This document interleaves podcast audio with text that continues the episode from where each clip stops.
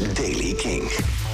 Er kan hier en daar wat gladheid voorkomen. In het zuidoosten en noordoosten ook dichte mist. Verder vandaag zonnig. In het westen en zuidwesten wat wolken. Het blijft droog en het is zo'n 7 graden.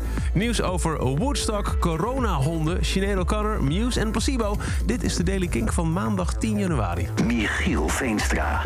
Michael Lang is overleden. Hij is medeoprichter en organisator van het legendarische Woodstock. Hij is 77 jaar geworden en overleed aan het non-Hodgkin lymfoom. Dat is een vorm van lymfeklierkanker. Een aantal acts die momenteel op tour zijn, doen dat door gebruik te maken van speciaal getrainde honden die het coronavirus kunnen opsporen, zodat uh, ze kunnen voorkomen dat een show moet worden geannuleerd. Uh, Tool, Metallica en The Black Keys zijn een paar van de mensen die deze honden uh, mee hebben. En die honden zijn dus echt erop getraind om het coronavirus op te snuffelen. En het gaat dan vooral om de backstage. Het is niet zo dat die honden door het publiek lopen, maar in de tourcrew.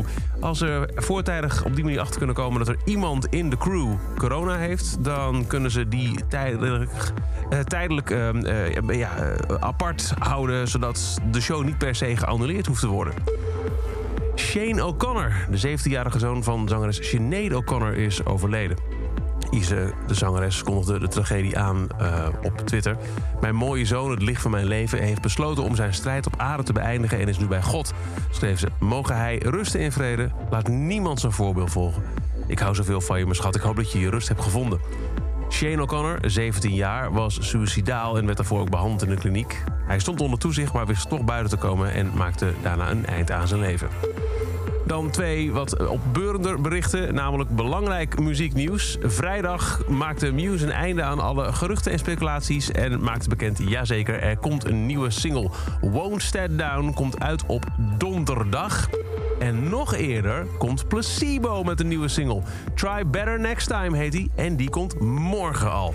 En voor beide singles geldt, zodra ze er zijn, hoor je ze natuurlijk op Kink...